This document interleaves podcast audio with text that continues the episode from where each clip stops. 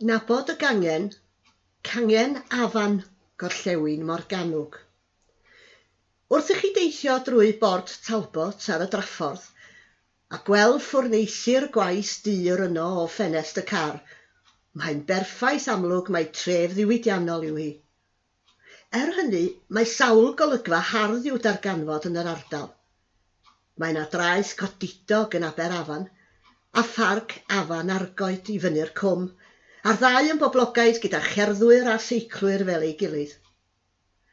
Ym Mharc Margam gellir dysgu rhywfaint o hanes yr ardal a gweld abati Margam a'r plastig gothig adeiladwyd gan deulu cyfeithog Talbot a roddodd o'r enw i'r dref. Yn fwy dadleuol efallai, ymwelodd yr artist Celf Stryd Banksy ar dref a gadael darn o'i waith Season's Greetings ar wal garej mewn lôn gefn. Ymddangosodd y gwaith dros nos gan achosi llawer o gyffron y dref. Mae wedi mynd erbyn hyn, ond mae wedi ysbrydoli eraill i fynd ati greu cel stryd ei hunain. Erbyn hyn mae'n bosib dilyn tais gerdded ar eich ffôn symudol i weld yr holl weithiau celf stryd gan gynnwys portreadau o ambell actor adnabyddus a fagwyd yn yr ardal fel Richard Burton, yr enillydd Oscar Anthony Hopkins a Michael Sheen. Dylid sôn hefyd am Peg Entwistle a'i stori drist.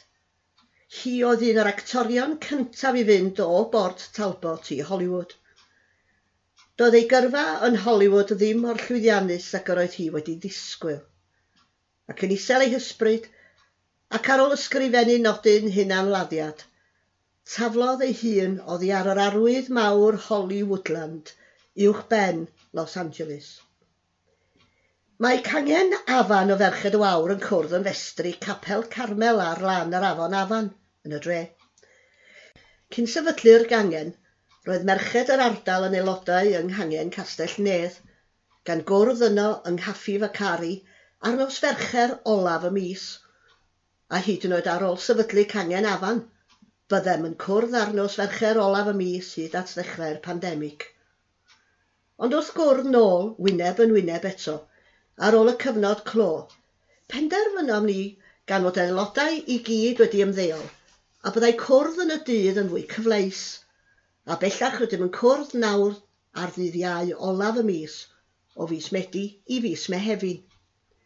Mae banc bwyd y dref yn cwrdd yn yr un safle â ni, ac roedd sawl aelod yn helpu gyda'r gwaith o ddosbarthu bwyd yno tan y cyfnod clo. Er mae cangen fechan yw cangen afan, mae'r aelodau wedi mwynhau amrywiaeth o weithgareddau yn ein cyfarfodydd dros y blynyddoedd. Mae'r rhain yn cynnwys sgyrsiau, crefft, gemau, gwybdeithiau ac ambell bryd o fwyd. Yn ogystal â gweithgareddau o fewn y gangen, Mae'r aelodau yn mwynhau dathliadau a chystadlaethau rhanbarthol a chenedlaethol. Mae traddodiad gennym yn rhanbarth gorllewi Morganwg i gynnal tais gerdded o fewn y rhanbarth bob blwyddyn, ac mae cangen afan wedi cynnal y dais gerdded ddwywaith nawr. Y tro cyntaf, cwrddon ni yng Nghwm Afan a cherdded ar hyd llwybr Richard Burton hyd at ei fan geni yn Mhon Tryd y Fen.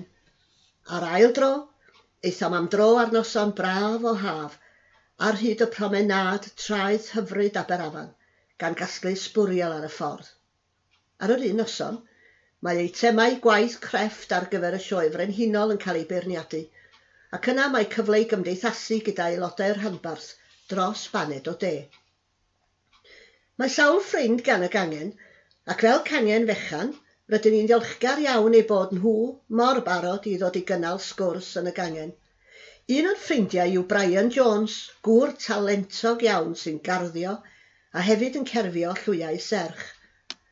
Mae ei wastad yn hapus i'n weld ar gangen a dangos i ni sut i greu basgedi cro cyfryd neu siarad am y gwaith cain o gerfio llwyau serch.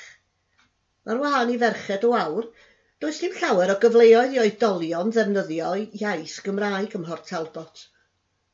Ond wedi dweud hynny, mae grŵp Cymraeg Aberafan yn cwrdd yn wythnosol yng ngwesti traeth Aberafan.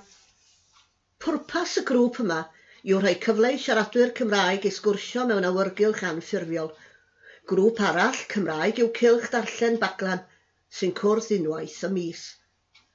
Mae ystod eang o lyfrau ar gael i'r grŵp ac maent wedi mwynhau ymweliadau gan awduron fel John Gower a Sean Hughes. Mae merched cangen afan o ferched o awr yn cydweithio gyda'r ddau grŵp. Mae'r gangen wedi cynnal ciniawau i ddathlu dydd gwyldewi dros y blynyddoedd gan wahodd ffrindiau, dysgwyr ac amrywiaeth ddifur o siaradwyr gwadd ato.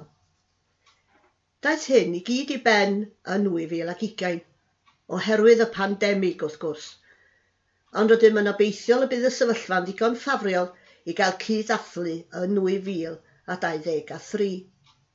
Fel pawb arall, doedd dim syniad gennym ar ddydd gwyldewi yn 2020 na fyddem yn gallu cwrdd wyneb yn wyneb am ddwy flynedd ac mae cyfathrebu ar y ffôn neu negeseuon e-byst fyddem. Roedd rhai aelodau wedi gwerthfawrogi sesiynau Zoom – a drefnwyd gan fenter Iais Castell Nedd Port Talbot a ran grŵp Cymraeg Aberafan. Nid pawb sy'n teimlo'n gyfforddus yn trafod y dechnoleg yma, ond rydym fel cangen mor falch nawr ein bod yn cwrdd yn y cnawd unwaith eto.